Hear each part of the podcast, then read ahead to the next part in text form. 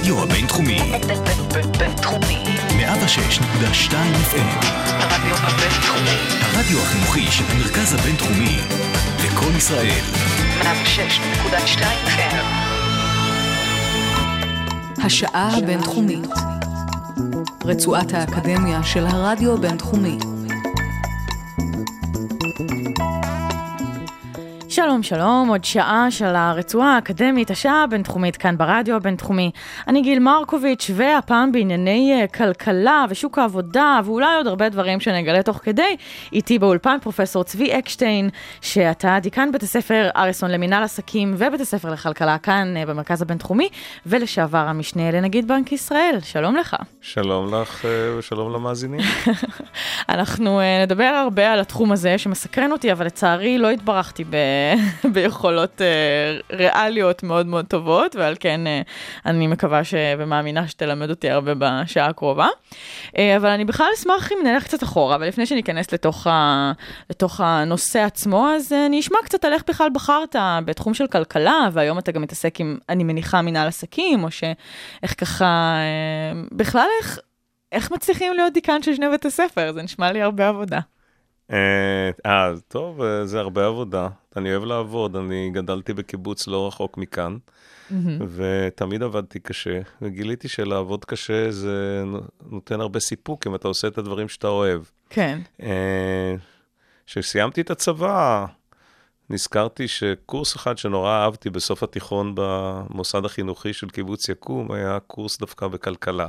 אוקיי. כי הוא שילב חברה, וקצת היה גרפים ומתמטיקה שגם אה, נתתי לכיוון הזה. וככה התחלתי בכלכלה, אה, סיימתי תואר ראשון, הלכתי לתואר שני, המשכתי לשלישי, ו... אז היה ברור כל הזמן שכלכלה, זאת אומרת, מהרגע שגם למדת תואר ראשון, היה ברור שהשני יהיה בזה, והשלישי.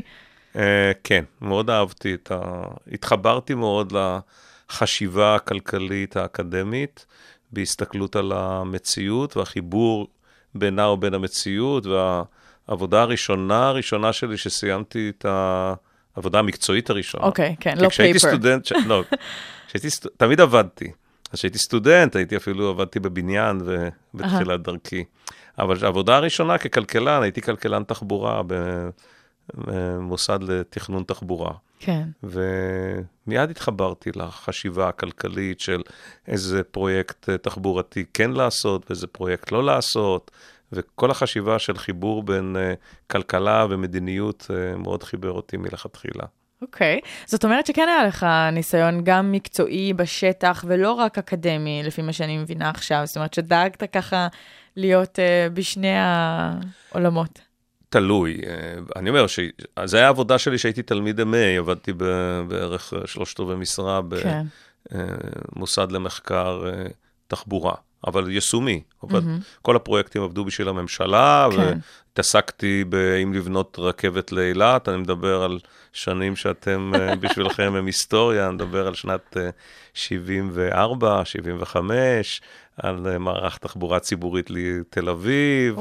לא השתנה שום דבר, גם אז דיברו על רכבת תחתית. זהו, אני... אוקיי, ומה, ומה אפשר uh, להגיד על זה מהבחינה הזאת? זאת אומרת, היו כנראה עצות טובות uh, מבחינת מי שהיו מקבלי ההחלטות דאז, ומה קרה בפועל, או שאתה לא... בפועל קרו, זה אחד הדברים שגם למדנו, למשל, אחד הדברים שאני זוכר זה שאיך כל כלכלני התחבורה התנגדו לרכב, לתחנה המרכזית החדשה, אוקיי. אבל ראש העיר וממשלת ישראל הלכו והשקיעו בתחנה המרכזית החדשה, אהה. ונוכחנו במשך השנים, איזו קטסטרופה נוראה זו הייתה.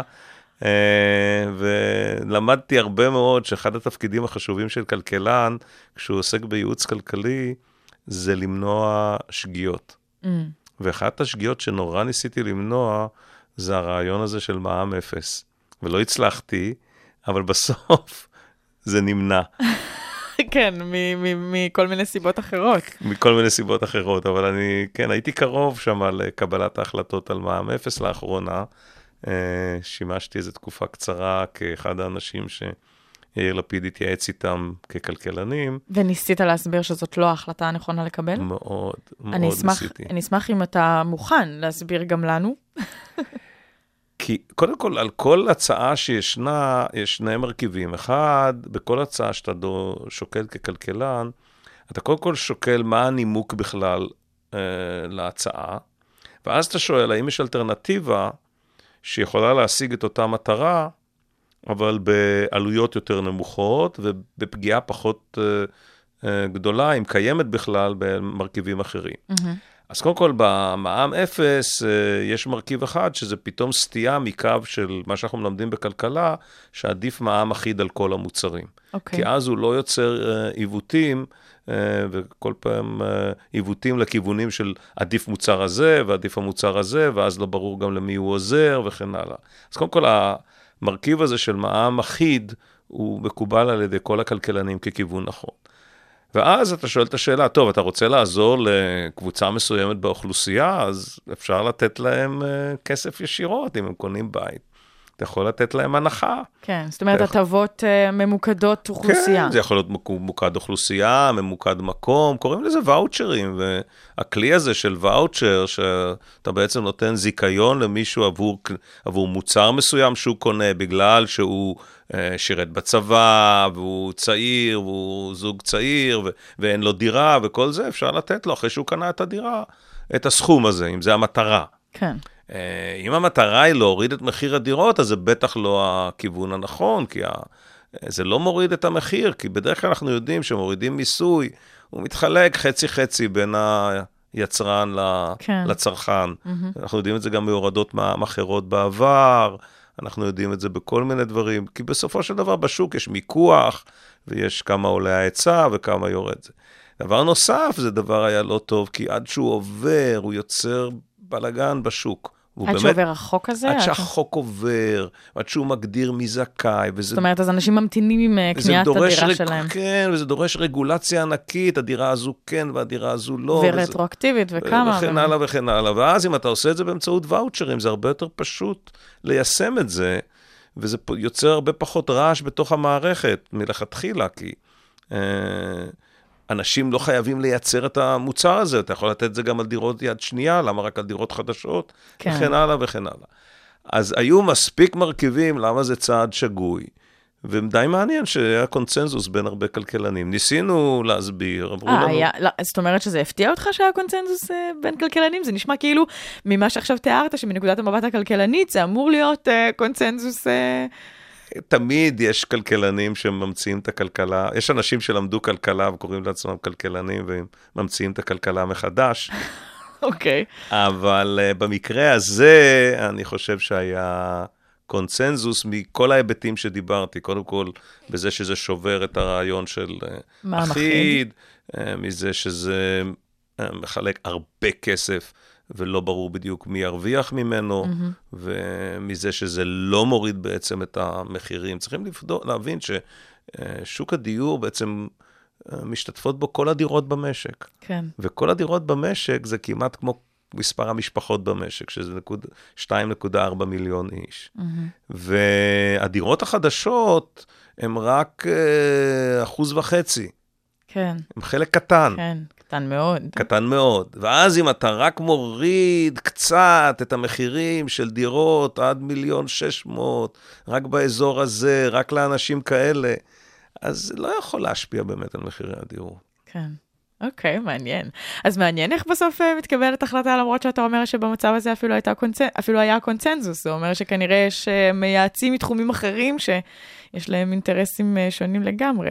כנראה ששר האוצר והיועצים שלו חשבו שיש לזה מרכיב אה, שיגרום לאיזשהו מומנטום כלפי מטה, או שזה ייתן להם תמיכה של ציבור. Mm. בסופו של דבר, אה, האנשים אומרים להם, מורידים את המע"מ, אומרים, וואו, אני ארוויח את המע"מ. כן. זאת אומרת שבסוף הוא, אה, הכל ילך במיוחד על אליו. כזה מחיר גבוה. זה נכון שבסוף הכל ילך אליו, אבל הוא לא יודע מה היה מחיר הדירה אם לא היו מורידים את מחיר המע"מ. כן, אז זה ככה, הכל, ה- העולם האמיתי, הכלכלי, הוא עולם אה, מורכב, מורכב מאוד. ולכן יש דעות שונות, גישות שונות. ואת השיקולים האלה, לדוגמה, שכרגע דיברנו עליהם, אלה שיקולים שנלקחים מנקודת המבט של המדינה? זאת אומרת, אה, או שיש איזשהו גורם כלכלי או, או נקודת מבט כלכלית שהיא עושה זום אאוט, מסתכלת על ה-bigger picture ולא רק מהעיניים של המדינה או העיניים של האזרח שהיה רוצה לרכוש דירה. תראי, כשאנחנו ככלכלנים באים לייעץ, אז יש לנו פרדיגמה מאוד אה, מסודרת. המטרה שלנו היא להעלות את רווחת הצרכנים. אוקיי. עכשיו, כמעט כל מדיניות, יש לה מרכיב שחלק מרוויחים וחלק מפסידים. ושאנחנו לכן, יש נטייה תמיד בצרכנים, קודם כל להדגיש את משקי הבית, ולא את העסקים, בהנחה שבעצם משקי הבית הם בעלי עסקים. אז ההסתכלות היא בדרך כלל על משקי הבית. Okay. יש דגש מאוד חזק על משקי הבית בחשיבה הכלכלית. כשאנחנו לומדים כלכלה פה בבינתחומי, אנחנו מאוד מדגישים את הצרכן, את משק הבית, מה קורה למשק הבית, מה זה עושה למשק הבית.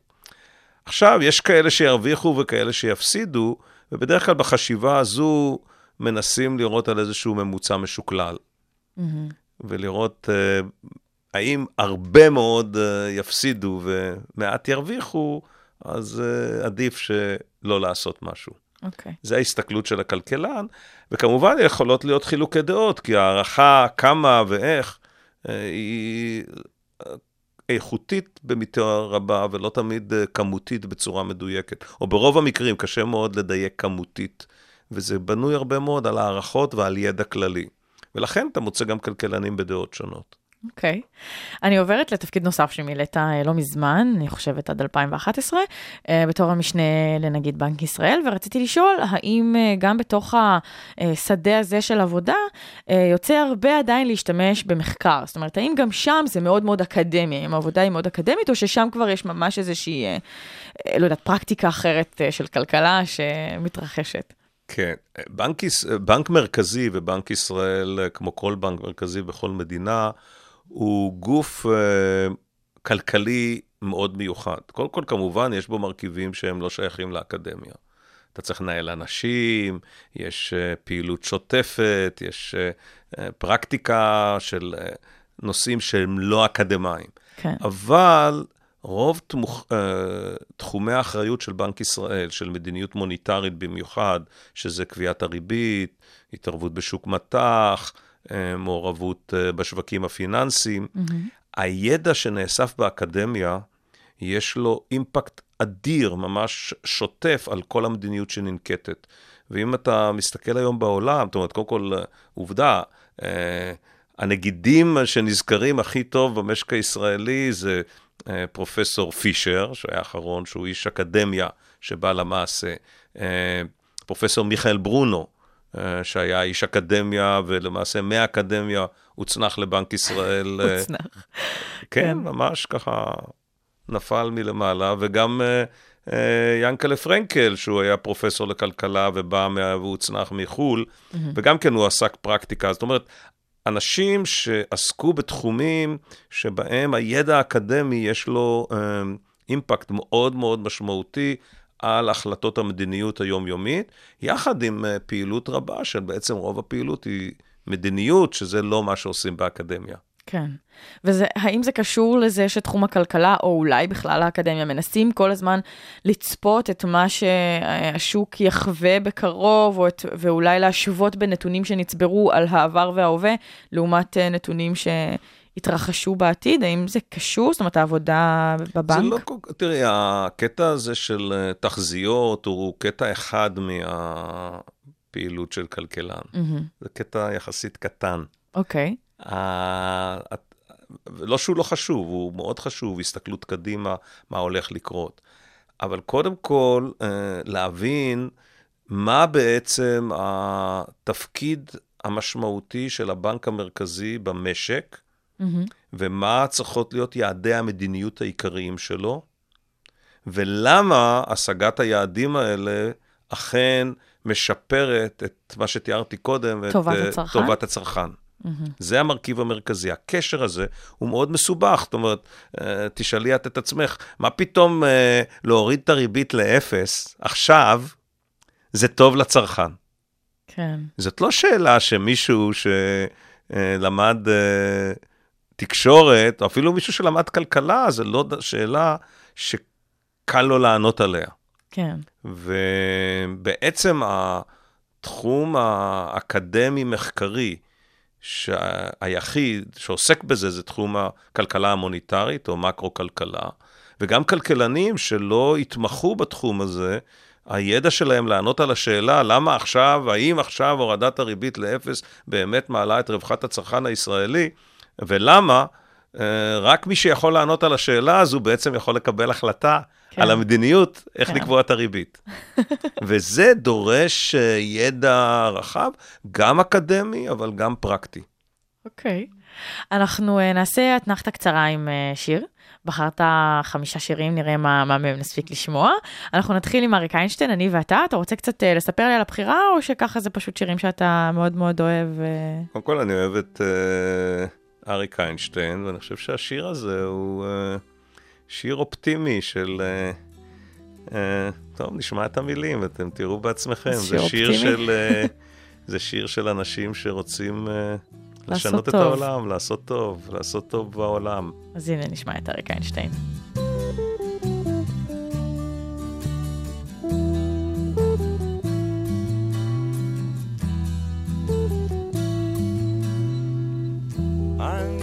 אני ואתה נשנה את העולם. אני ואתה, אז יבואו כבר כולם. אמרו את זה קודם לפניי, לא משנה. אני ואתה נשנה את העולם.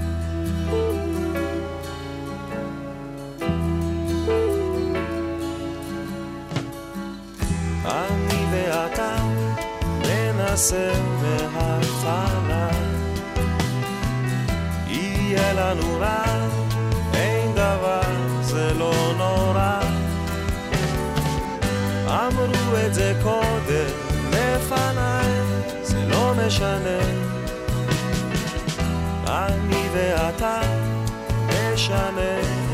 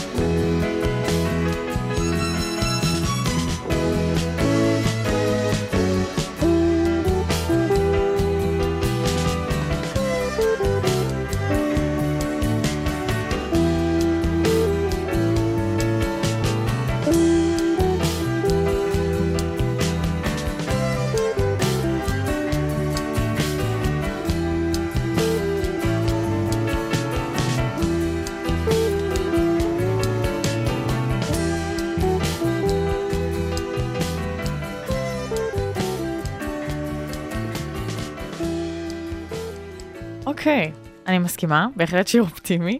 כן. כן. כן, זה נחמד גם שהרבה מאוד, אה, מאוד מרצים בוחרים תמיד אה, שיר שמבחינתם הוא שיר אופטימי ל, ללשנות את העולם ולעשות משהו טוב, וזה נחמד לשמוע שאנשים... אה, מהאקדמיה, שזה נחשב לתחום מאוד פסיבי, אה, לכאורה, רואים, אה, רואים איזושהי חשיבות אה, בעשייה חברתית ובחיבור הזה בין אקדמיה לחברה, שזה אגב מה שאתה אמרת, שהקורס שבעצם גרם לך לבחור אה, בכלכלה, בסופו של דבר היה כזה ששילב בין אה, קצת מתמטיקה, אבל גם ראייה חברתית.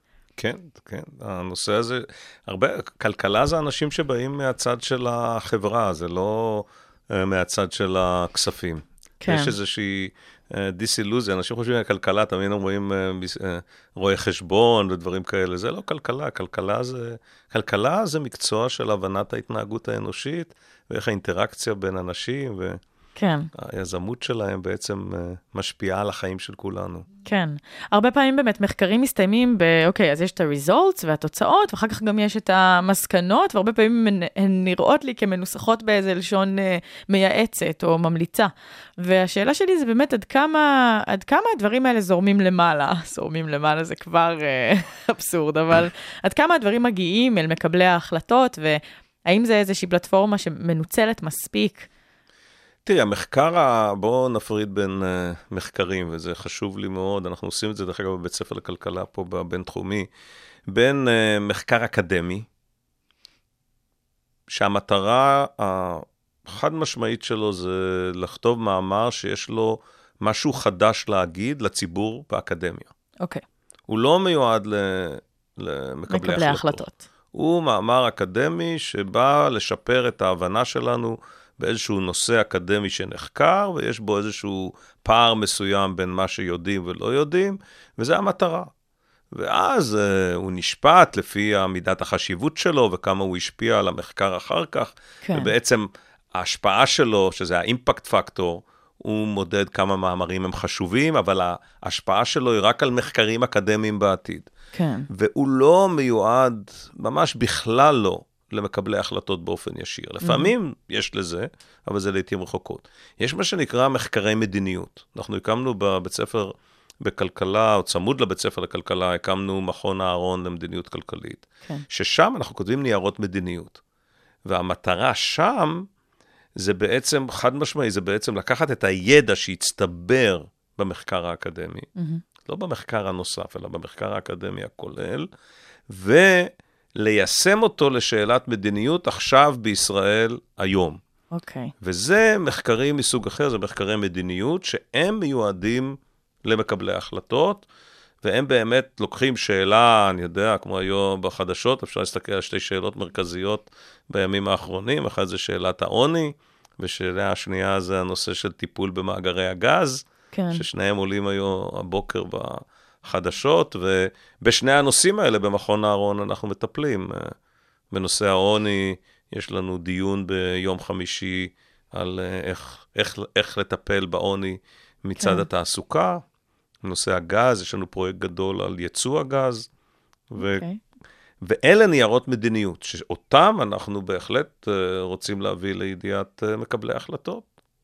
לפני שאנחנו אה, שוב אה, ממשיכים, אני רוצה לשאול עוד שאלה על, ה, על אה, שני התפקידים, על שני הכובעים שאתה חובש, גם בתור דיקן לבית הספר לכלכלה וגם במנהל עסקים. אז איך באמת, זאת אומרת, מה, מה החיבור בין השניים? האם, האם זה מצריך ידע אקדמי על מנהל עסקים כדי להיות דיקן בית הספר? כן, תראי, קודם כל, לי יש רקע אקדמי, אני בא מהאקדמיה, אני רק הייתי חמש שנים בבנק ישראל. זה נכון, אני מכלכלה, אבל אה, כלכלה זה, אה, ומנהל עסקים, יש להם הרבה דברים שמתחברים.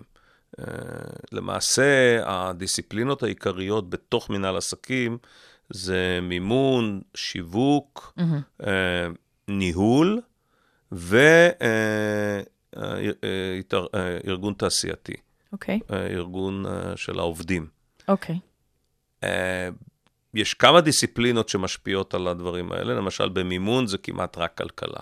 זאת אומרת, אנשים שהם מרצים במימון, יש להם, הם, הם כלכלנים. כן, בשיווק לכלכלה יש השפעה, יש uh, כלכלני, יש אנשים שלמדו כלכלה, למשל uh, הדיקן הקודם, פרופסור רוני שחר, סיים את הדוקטורט שלו בכלכלה כן. בתל אביב, זכיתי להיות המנחה שלו.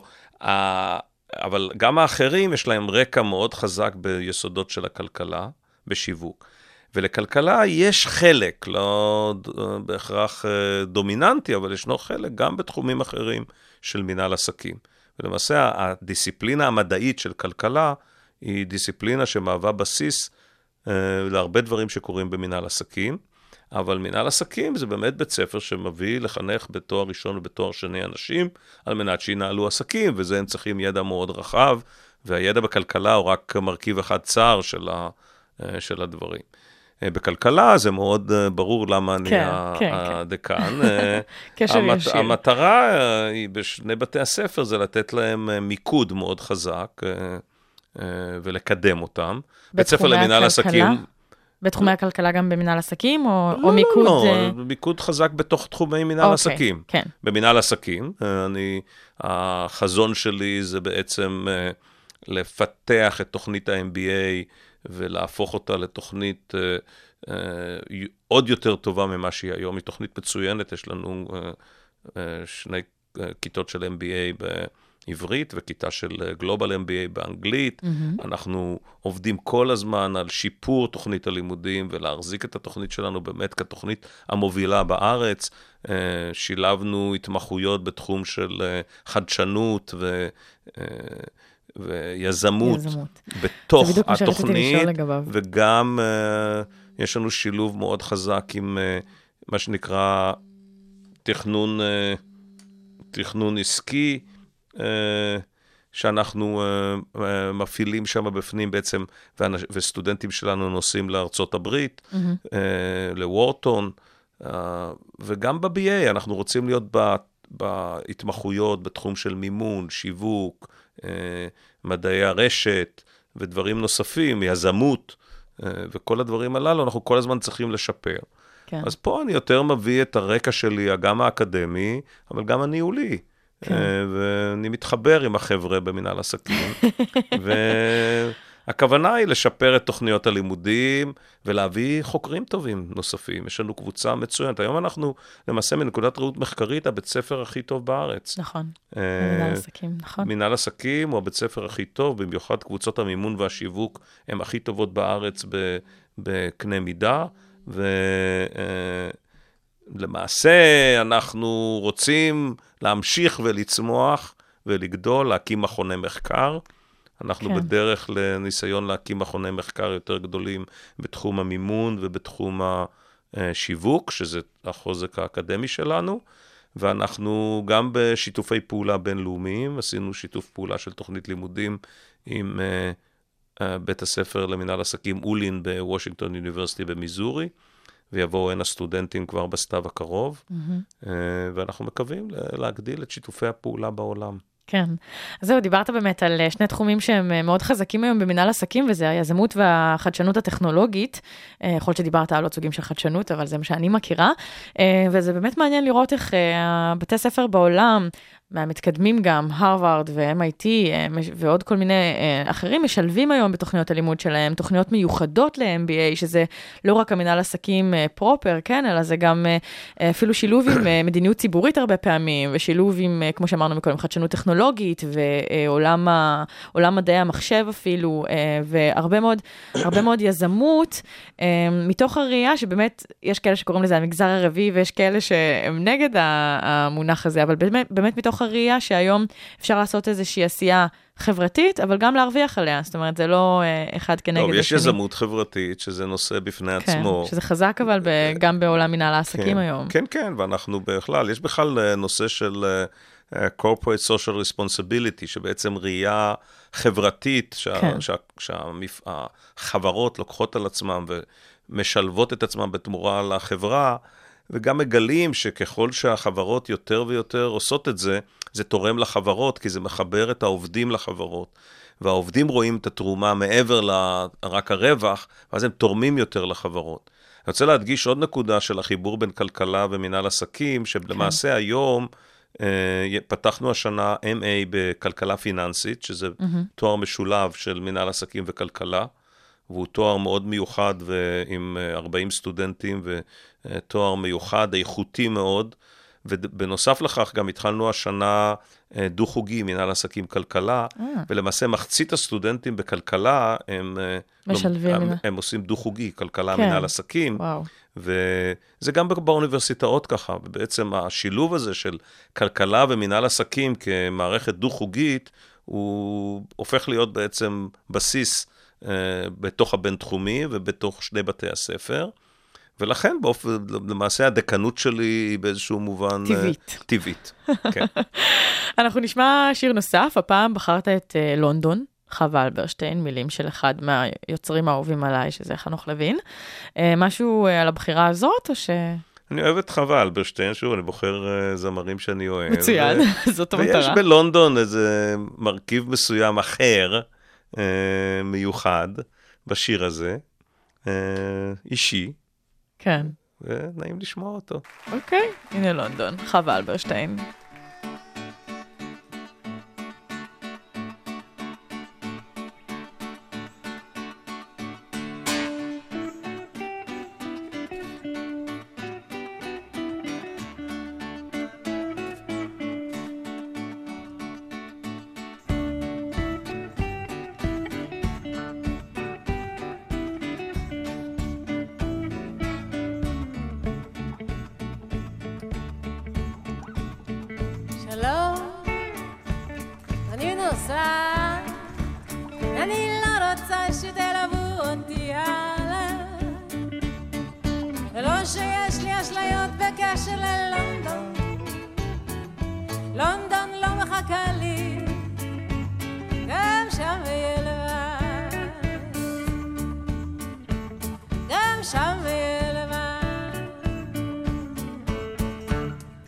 שלום. אני נוסעת, אני לא רוצה שתלוו אותי הלאה. ולא שיש לי אשליות בקשר ללונדון, ולונדון לא מחכה לי, גם שם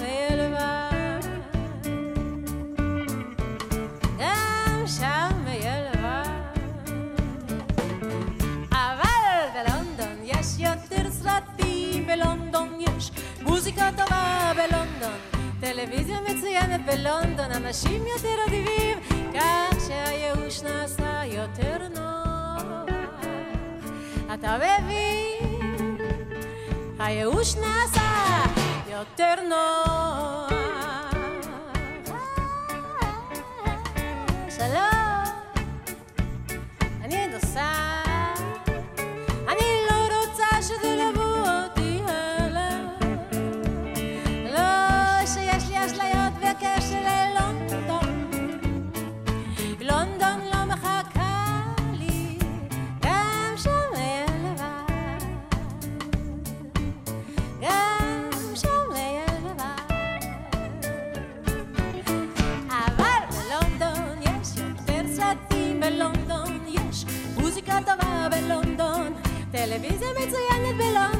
אנשים יותר אדיבים, כך שהייאוש נעשה יותר נוח.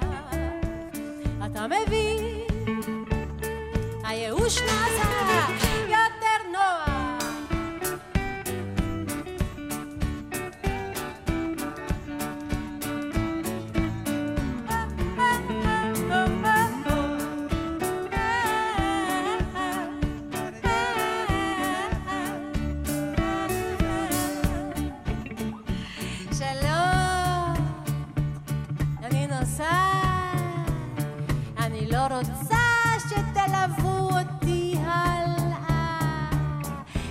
שיש לי אשליות בקשר ללונדון,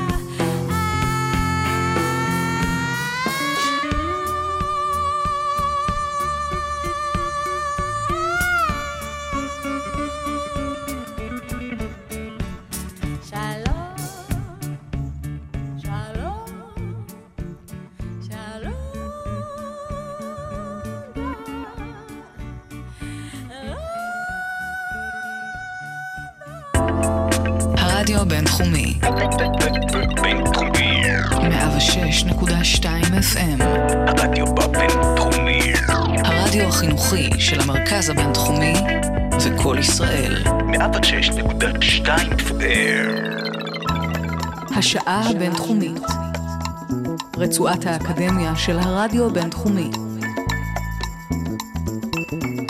אז אנחנו אחרי מחצית השעה כבר, הרדיו הבינתחומי, גיל מרקוביץ' זו אני, ואיתי באולפן פרופסור צבי אקשטיין, מי שמכהן היום כדיקן שני בתי הספר, אה, גם לכלכלה וגם אה, למנהל עסקים כאן במרכז הבינתחומי. פטפטנו עד עכשיו על למה זה דבר מאוד טבעי לעשות, אה, ואני רוצה שנתמקד רגע, ב... אגב, וירטואוזית אמיתית, זה היה ביצוע מאוד מיוחד של אה, לונדון, שאני אישית מאוד אוהבת, ואנחנו, אני רוצה לשאול אותך קצת על אה, ספר שכתבת, יצא ב-2013 לדעתי, אמ, על, הוא תורגם לעברית, המיעוט הנבחר, כיצד עיצב הלימוד את ההיסטוריה הכלכלית של היהודים. אז אה, קודם כל הכותרת מאוד פיקנטית. אמ, זה נשמע אמ, מפתיע, למרות שאומרים שיש הרבה מאוד דברים באורח החיים היהודי המסורתי שהשפיע גם על כלכלה, גם על אמ, אה, חושים שלי, אם דיברנו מקודם על יזמות ועל אה, מנהל עסקים ודברים כאלה, אז אומרים שזה משפיע. אבל אני אשמח לשמוע, קודם כל, אה, איך הגעת לנושא, מה, ומה הייתה, והאם זאת שאלת המחקר העיקרית של הספר, או שככה היא נפרטת לעוד המון המון שאלות אה, קטנות תוך כדי. אה, כן, כמו כל אה, מחקר, אה, ניתן לקחת שאלה אחת ולפרק אותה, אבל אה, אנחנו בעצם הגענו לשאלה מיצד, אני הגעתי לזה מהצד של כלכלה וכלכלת עבודה. תחום המחקר העיקרי שלי הוא כלכלת עבודה, ובכלכלת עבודה אחת השאלות המרכזיות זה איך אנשים בוחרים מקצוע. ותופעה די ידועה של היהדות, ופאזל שהרבה כלכלנים ואחרים התעסקו בו, זה למה היהודים הפכו להיות אה, תושבי ערים והתעסקו במקצועות עירוניים, כאשר בהיסטוריה, כאשר כל העולם היה חקלאי. כן. זה, ו- זאת אומרת, הם עשו את זה בכרונולוגית לפני? מוקדם יותר מ... אז קודם כל, זו הייתה השאלה, לא ידעתי, אה, האמת היא אוקיי. ש- ששאלת אותי, זו הייתה השאלה, השאלה למה הם הפכו להיות במקצועות הללו. כן. וכלכלנים ואחרים נתנו לזה הרבה תשובות. הם בעיקר, אה, חלק, ההיסטוריונים למעשה בעיקר אמרו שהיהודים אה, לא אפשרו להם לקנות קרקעות ומנעו מהם להיות בעלי קרקע ולהיות חקלאים, ולכן לא הייתה להם ברירה, מסכנים, הם הלכו לגור בערים, והם הפכו. להיות מלווים בריבית וסוחרים וכן הלאה וכן הלאה, מתווכים פיננסיים וכן הלאה. אוקיי, זו באמת ו- התשובה ההיסטורית המוכרת, זה נכון. כלכלנים ניסו לתת הסבר, תראו, זרקו כל הזמן, הם כל הזמן היו, זרקו אותם מכל מקום, אז הם, אה, אז הם אה, בעצם השקיעו כל הזמן בהון אנושי. אה, אוקיי. בקיצור, ה- ה- ה- הסיפור שאני הגעתי אליו, אני אמרתי, רגע, אבל משהו מיוחד ביהדות אה, שמתחבר לכל זה, ואנחנו לומדים, מלמדים בכלכלה, זה שהגורם המרכזי לאיזה מקצוע יש לך, זה בעצם מה ההון האנושי שלך, מה היכולות ה... הידע שלך, מה היכולות הכתיבה, מהם היכולות הקוגנטיביים שלך. הכלכלנים והפסיכולוגים בעצם מרחיבים בין שתי סוגי יכולות, קוגנטיביות, מהמם. ואז אתה הולך יותר לדברים שדורשים אה, ידע של קריאה, כתיבה, חישוביות וכן הלאה, כן. או יכולות פיזיות. אה, שזה non-cognitive אה, ability. ו- ואמרתי לה, ליהודים יש דבר אחד נורא מוזר, שהם אה, כנראה ידעו קרוא וכתוב לפני כולם, כי קרוא וכתוב לא היה נפוץ בעולם המערבי לפני המאה, אה, סוף המאה ה-19 למעשה. אוקיי. שיעורי האנשים שהם היו, מה שנקרא literate, כן. בעלי אוריינות, שידעו לקרוא ולכתוב, היו נמוכים מ-50% לפני אמצע המאה ה-19 בכל העולם המערבי ובטח בעולם האחר. כן. ולמעשה התופעה של אה, אוריינות אה, בבית ספר כללי וללכת לבית ספר חובה, זה תופעה של המאה ה-20 למעשה ברוב המדינות. ואצל היהודים, אז כולם, אה, הגברים, כולם אה, קראו בתורה, לא? הם, אה, הם הלכו, כן. ובגיל 13 הם הקריאו פרק שלם, זה, שזה מעמסה נוראה, קשה נורא. לעומת ה... כן, לעומת לעומת אז. מי שלא יודע לקרוא, כן? דרך אגב, עד היום אני לא יודע ממתי נכנס הרעיון הזה של הבר מצווה. עוד לא מצאתי את התאריך מתי זה קרה. אז דבר ראשון, אה, בעצם שאלנו, האם יש קשר בין האוריינות היהודית ובין המקצועות? מהמם. ואז אה, מצאתי את השותפה שלי למחקר, מריסטלה, ויחד איתה הלכנו וצללנו לתוך ההיסטוריה של היהודים, לא ידענו הרבה. וואו.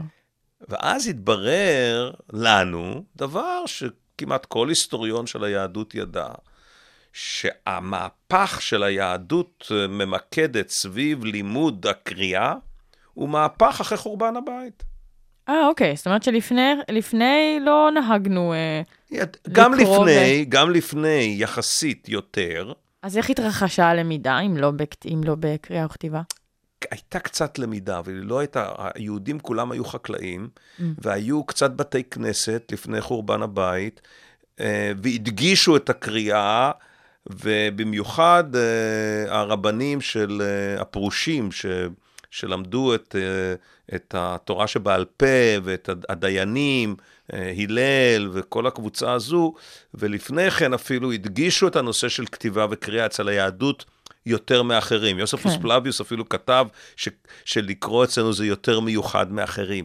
אבל זה לא היה המוטיב המרכזי של היהדות. היהדות, עד חורבן הבית, היה בית מקדש, היו שם את הצדוקים, והיו שם את הכהנים, ואתה באת כן. לכהן, והכהן התפלל בשבילך, וזו הייתה המצווה... אה, וזו הייתה המצווה העיקרית. כן, העיקרית, בדיוק. ולא היה בתי כנסת אה, רבים, היו קצת, אבל לא, זה לא היה דבר מרכזי. זה היה הסיפור המרכזי. בעצם היהדות הייתה הת- התורה, שהייתה מיוחדת, אל אחד ובית המקדש. אבל כן. בית המקדש פעל כמו מקדשים של פגאנים, אה, במידה רבה. דומה. כן. ואז נחרב בית המקדש, והייתה הייתה מהפכה ביהדות. היהדות הרבנית שצמחה אז ביבנה, הפכה את לימוד קריאת התורה לדבר המרכזי. לדבר המרכזי. ואת הדבר הזה קודם כל למדנו אז, שבעצם כל ההיסטוריונים מכירים. כן. אבל לא רק מה שמעניין זה שזה השתרש ביהדות. וזה חיבר את זה עם המשנה, ועם התלמוד, ועם שאלות ותשובות, ועם אה, רבנים שמחליטים, ועם רבנות אה, מתווכחת, כן. ועם... אה, דיון, הרבה דיון. ודיון, אבל ללכת, ללמוד, לקרוא בבתי הכנסת, זו הייתה המצווה העיקרית. מהמם. ו... אפשר להגיד שזה מחזיק עד היום. אבל הם היו חקלאים כולם. כן. ואז שאלנו שתי שאלות, אז מה פתאום כחקלאים הם עשו את זה? אין לזה שום תמורה לחקלאי לדעת לקרוא. כן. ובאמת מצאנו שבאותה תקופה הרבה יהודים עוזבים את היהדות. אה, ברצינות. למעשה, אחרי חורבן הבית ואחרי מרד בר כוכבא, ואחרי uh, כל מה שקרה ליהדות בתקופה הזו, משנת 200 יש ירידה דרמטית בכמות היהודים. לפני חורבן הבית היו מעל לחמישה מיליון יהודים, אחרי כל המרידות נשארו מעל שלושה מיליון יהודים, ושש, חמש מאות שנה אחר כך נשארו בקושי מיליון נקודה שתיים יהודים. וואו. וזה כבר כנראה מרצון, לא בגלל... אה, וזה כנראה מרצון, לא ואז אמרנו. וואו, אה, כן, בנו דת נורא יקרה לחקלאים, כן. שצריכים להקים בתי מחיר, כנסת אה, ומורים. המו- המושג מורה וחדר זה הכל מהתלמוד, מהתלמוד הירושלמי. כן. בשביל הכפריים שגרים בציפורי, בכל ה... בברעם, בכפר נחום, בכל המקומות האלה, והכריחו אותם להקים בתי כנסת, ואכן קמו בתי כנסת. אז כאן יש תופעה נורא מעניינת, שכמות בתי הכנסת עולה וכמות היהודים יורדת. פוחתת, כן, וואו. אז מה קורה? שהיהודים נעשים, אלה שנשארים להיות יהודים, דבקים. דבקים ולומדים, כי בבית כנסת למדו, אז זה פחות התפללו, לא יותר למדו לקרוא. ורק uh, בעצם במאה השמינית-תשיעית, כשמר... שהאוכלוסייה היהודית בארץ ישראל היא אפסית, דרך אגב, לפי ההיסטוריונים ולפי הארכיאולוגיה, ורוב רובם, 80, מעל ל-80 אחוז של היהודים גרים בעצם במסופוטמיה, בעיראק ואיראן. אז יהודים האחרים, אבל המהפכה הזאת הגיעה אליהם, או שהם ממשיכים הגיעה- לקיים לא, את ה... המהפכה הגיעה לכל אוקיי. הקצוות, יישמו את זה ובתי כנסת גדלו, וגם. גם בקהילות היהודיות ברומא הם קטלו, אבל במאה הרביעית, חמישית, שישית, נעלמים בתי הכנסת. וכנראה חלק גדול של היהודים מתנצרים, כי הנצרות זה בעצם הדת היהודית החדשה. כן, יותר קלה, לא צריכים לקרוא, כן. לא ו- צריכים לכתוב. היא המשך, אז זה בסדר. כן. אל אחד, כן. תראי, ביהדות ב... היו עקרונות כנראה מאוד חיוביים. הת- התורה נתנה בסיס מאוד טוב למסגרת המשפחתית, נכון. למגבלות על המלך וכן הלאה. התורה, ועובדה שהיא אומצה גם על ידי הנוצרים וגם על ידי המוסלמים. ובעצם המעבר למקצוע, שאני חוזר לשאלה המרכזית, קרה בעיקרו ליהדות מסופוטמיה במאה השמינית-תשיעית. זה למדנו מההיסטוריונים, לא, לא היה לי מושג על זה. לא למדתי בתיכון אף פעם היסטוריה של התקופה הזו. נדמה לי שאף אחד, נדמה לי שזה עד היום לא בספרי נכון, הלימוד. זה בדיוק מה שרציתי להגיד, שזה לא, לא נותנים על זה דגש. נחרב בית המקדש, קם הרצל, קם... כן, בדיוק. אז, אז גילינו שבעצם המעבר קרה במסופוטמיה, בעיראק, כאשר קמה האימפריה המוסלמית. בו זמנית שהאימפריה המוסלמית, אה, ההצלחה הגדולה שלה הייתה גם טכנולוגית, היא הביאה נייר, נייר היא הביאה מסחר, אה, בגדד הפכה, בגדד קמה במאה השמינית והפכה להיות העיר הגדולה בתבל באותה תקופה, כמעט כן. מיליון איש, והיא משכה מסחר מכל האימפריה שנמשכה מאיראן אה, ופקיסטן במזרח עד ספרד במערב. עם סחר אה, חופשי ומערכת אחידה של חוקים, והיהודים עזבו את, במשך איזה מאה ומשהו שנה, עזבו את הכפרים, עזבו את החקלאות ועברו לעיר. עכשיו, מה שמעניין הוא שכמעט כל היהודים עשו את זה, אבל רק בין היהודים זה קרה כמעט לכולם. היו עוד אחרים שהצטרפו לעיר, אוקיי, כן. אבל, אז השאלה היא, אז למה רק היהודים? מה המיוחד? והטענה שלנו היא שהמיוחד אצל היהודים שהם ידעו קרוא וכתוב. ופה הקרוא וכתוב, אבל לא רק הקרוא וכתוב, כל המסכת הזו של שאלות ותשובות, וקשר בין קהילות, והיכולת לתקשר, ומערכת אה, יכולת משפט, להתווכח. היכולת להתווכח, להתמקח, אבל גם לחתום חוזה. כן, כן, כן. בסופו של לא. דבר להגיע להסכמה. להגיע להסכמה שחתומה, ושמישהו יכול לקרוא אותה, ואם לא מסכימים, אז יש מישהו שיכול להיות ארביטרייטור. כן. היהדות יצרה את, התעלי... את התשתית הזו יותר מכל קבוצת אוכלוסייה אחרת, וזה נתן לה מה שכלכלנים קוראים יתרון יחסי לאוכלוסייה האחרת, וזה העביר אותה למקצועות הללו. הדבר המרכזי הוא שבמקצועות האלה מרוויחים כפול פי שתיים מאשר חקלאים. אז אוקיי, אנחנו תכף נחזור לזה, זה מרתק, אני רוצה רק שנשמע שיר נוסף, אה, כדי שנספיק לשמוע מתוך הרשימה שבחרת לנו. אה, שוב אריק איינשטיין, הפעם אהבה ממבט ראשון, אז אנחנו אה, נשמע את זה ונחזור.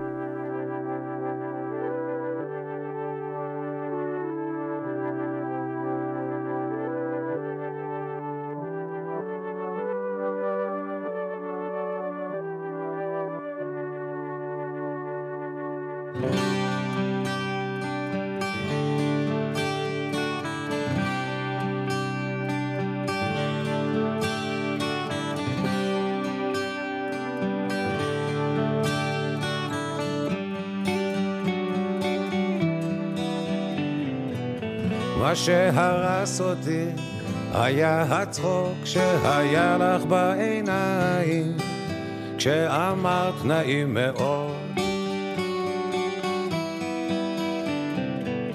מה שהמיס אותי היה החום שזרם ממך כשנתת לי ידך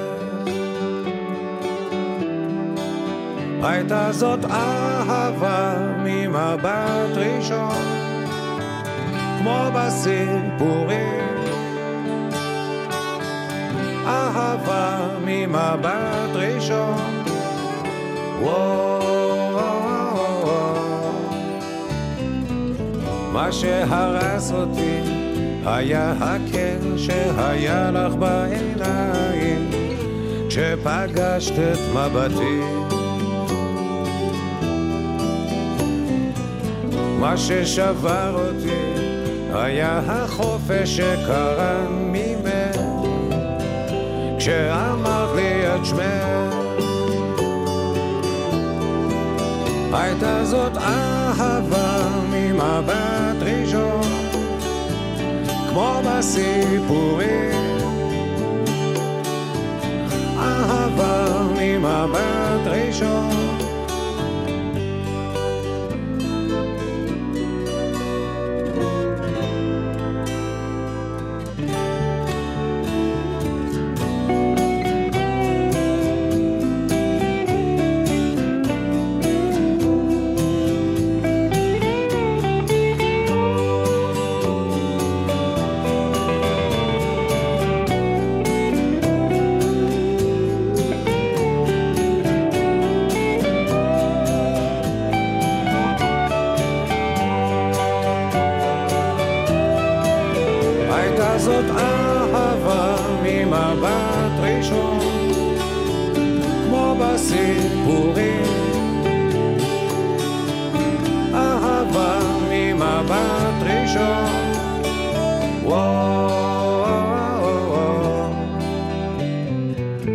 מה שהרס אותי היה הצחוק שהיה לך בעיניים.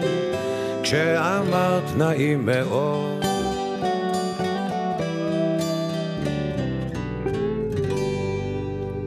לצערי נשארו לנו uh, ממש דקות ספורות, חמש דקות uh, לשוחח על, ה, על המשפט האחרון ככה לפני ששמענו את השיר שאמרת, שזה שאותן uh, עבודות שאליהן פנו היהודים ועלו uh, העירה, uh, הן uh, כאלה שהרוויחו בהן uh, פי כמה וכמה מהחקלאות, אז uh, שם אולי התחילה החלוקה בין צווארון כחול ללבן. אה, למעשה ביהדות אה, תמיד, תמיד הייתה חלוקה כזו. אה, בתוך היהודים היו החבר'ה שיותר אה, הצליחו והיו סוחרים גדולים והרוויחו, ותמיד היו גם האנשים שעשו את העבודות הפשוטות, השוחטים והגבאים כן. והמנקים וכן הלאה וכן הלאה.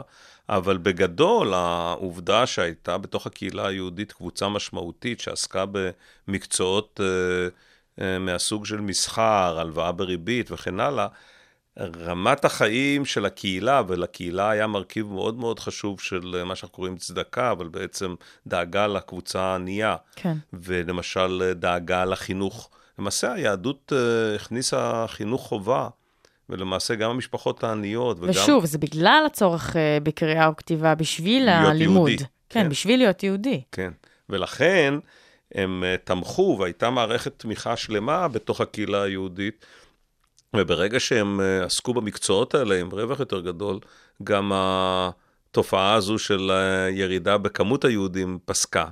כן. למעשה אפילו הייתה עלייה בכמות היהודים בין המאה השביעית ל- למאה ה-13. כי כבר היה אפשר לחזור וליישם את המצוות? כבר היה יותר... כי אה, כן, כי אז להפך, היה חיזוק של הדברים האלה, כי למעשה החינוך וה... והרבנות והישיבות וכן הלאה, היוו איזשהו נדבך שתמך ביתרונות היחסיים של היהודים כסוחרים. כן, ולמעשה היה סנרגיה בין הצד הדתי לצד העסקי. אוקיי, ורוב הרבנים הם היו ברובם גם אנשי עסקים. כן. כן, מה שהיום לא רואים. אה, כן. סתם, אמ, אה, לגבי הפערים שנוצרו, האם נוצרו פערים אחר כך? זאת אומרת, ברגע שיתר אוכלוסיית העולם התחילה לתפוס אה, כמובן תאוצה בעניין של קרוא וכתוב, מאחר ובאמת המקצועות החופשיים אולי אמ, צברו תאוצה, האם עדיין רואים איזושהי בולטות יהודית בשוק, או שכבר. פחות? קודם כל, בהחלט כן. המאה ה-20, אה, יש פרופסור אה, להיסטוריה, אה, יורי זלקין, שכתב ספר שקרא לזה המאה היהודית. המאה ה-20, ובעצם שכל העולם נהפך להיות אה, עם אוריינות וכן הלאה. ונכון, התחרות נעשה יותר גדולה, אבל הבולטות של היהודים באקדמיה העולמית, בפרסי נובל, בפרסי פוליצר, ב- ביצירתיות, בספרות, אפילו במוזיקה, אין ספק, היא אדירה, וחלק ממנה, אני חושב, בא לעובדה שהיהדות הקדימה את יתר העמים בהשקעה בהון אנושי, ביכולות האוריינות, ביכולות החשיבה העצמאית וכן הלאה. כן. אבל כל זה, המקור שלו של היהדות, הוא בעצם היה מקור דתי. ואף הוא, ואז הוא הפך להיות משהו גם תרבותי. אז גם אם כן. הפסקת להיות דתי, עדיין התרבות היהודית... של- מושרשת מאוד מושרשת מאוד חזק. חזק, והיא משפיעה גם על, ה- גם על ישראל, על האוכלוסייה היהודית בישראל, וגם על האוכלוסייה היהודית בעולם כולו, כן, בהחלט. אוקיי. אז לשוק ה... לש... למחקר שלך שמתעסק הרבה בשוק העבודה, יש גם אספקטים אה, היסטוריים אה, מעניינים. כן, אני בשנים האחרונות עוסק בהיסטוריה. הספר שלנו מסתיים ב-1492, לפני, גלו, לפני גירוש ספרד, ולמעשה היום אני במחקר, אני חלק מרכזי שלי במחקר, ויש לי על זה קרן מחקר גדולה מה-Israeli Science Foundation, שבו אני מתמקד על ה-500 שנה, מ-1500 להיום. עלי היום, כן. כן. אוקיי, שזה גם מה שקצת נתת לנו טעימה עכשיו. כן. אוקיי, מעולה. אמ, אני רוצה לשאול אם אנחנו אם אה, נוגעים בזה קצת, זאת אומרת, שאלה אחרונה, אם מצליחים לגעת בזה גם אה, בתואר, זה משהו שלומדים אותו, זה. אה, אני מלמד, האמת היא שאני מלמד את הספר בקור, קורס למצטיינים בשנה שנייה בכלכלה, אוקיי. בשנה ב' בכלכלה. אנחנו בעצם מראה להם את ה... איך אה, חשיבה כלכלית אה, משפיעה על ניתוח היסטורי, כן. ומראה להם בעצם גם את המודל הכלכלי שאנחנו משתמשים. זה חצי מהקורס, זאת אומרת, יש להם קורס שלם למצטיינים של אה, בסמסטר ראשון, בשנה שנייה, מחצית הקורס זה על הספר הזה. בתוצאות התחשבו גם היסטוריונים? כי קצת שיניתם את, ה... את התמונה העגומה שהם ציירו. אה, ההיסטוריונים קוראים, מגיבים, חלקם אוהבים, חלקם פחות. אה, אוקיי. אה, אין ספק, אבל זה בכל אופן עשה, עשה איזשהו, יש לזה איזושהי השפעה על חשיבה כן. של היסטוריונים. כן, שזה רק גם אה, מבחינתי אה, מוסר השכל קטן, זה מעודד אה, את כל תחומי המחקר להיכנס גם לשאלות שנראות לכאורה לא שייכות לתחום, כי זה כן. כנראה מייצר ידע, בנק ידע חדש. אני רוצה להודות לך על השעה האחרונה, פרופסור צבי אקשטיין, דיקן בית הספר אריסון למינהל עסקים ובית הספר לכלכלה כאן במרכז הבינתחומי, לשעבר המשנה לנג, לנגיד בנק ישראל ועוד כותרות נפלאות אחרות. הרבה תודה לך על השעה הזאת. אני גיל מרקוביץ', אתם אה, על הרדיו הבינתחומי ואנחנו נסגור עם שיר שבחרת, שלמה ארצי, חום יולי-אוגוסט. תודה, תודה. רבה, שלום.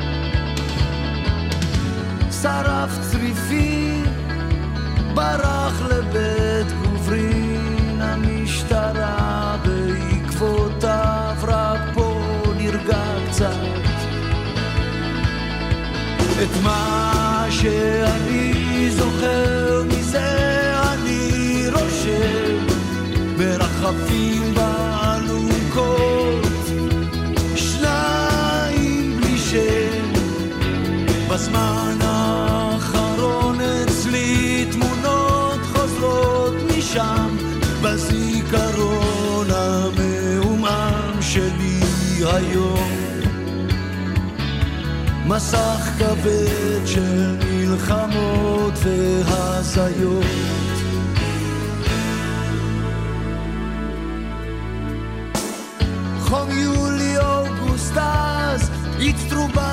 אחד נושר מסוק נוחת אני שוכב לבד בשטח כשהמסוק נעלם, אני פתאום רעב, מת לאכול אותך בבסיס האם לנצח. אני חוזר עם לביתך, סוגר את החדר, גם אלוהים לא ייכנס פה. פתאום אביך נכנס, נראה כמו בוכה. בתה על הפלוגה שלמה, חטפה אש נס בטמפו. את מה שאני זוכר רושם. תופס מונית חיפנית, קופץ לדיסקוטק. זונות על הגדר אצלי בגוף, רק שד בוער, הולך לרקוד עם חיילים מתים בלב. תרשום, תרשום, רושם, רושם.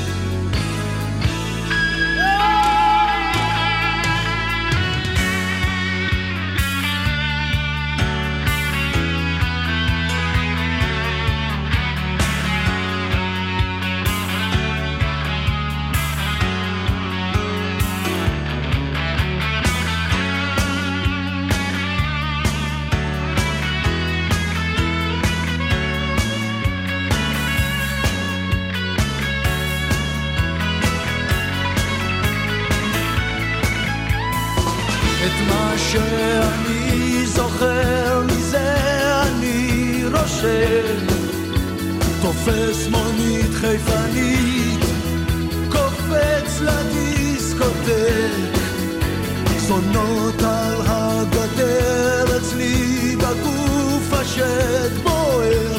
הולך לרקוד עם חיילים מתים בלב. הולך לרקוד עם חיילים מתים בלב. הולך לרקוד עם חיילים מתים בלב. הולך חיילים מתים בהם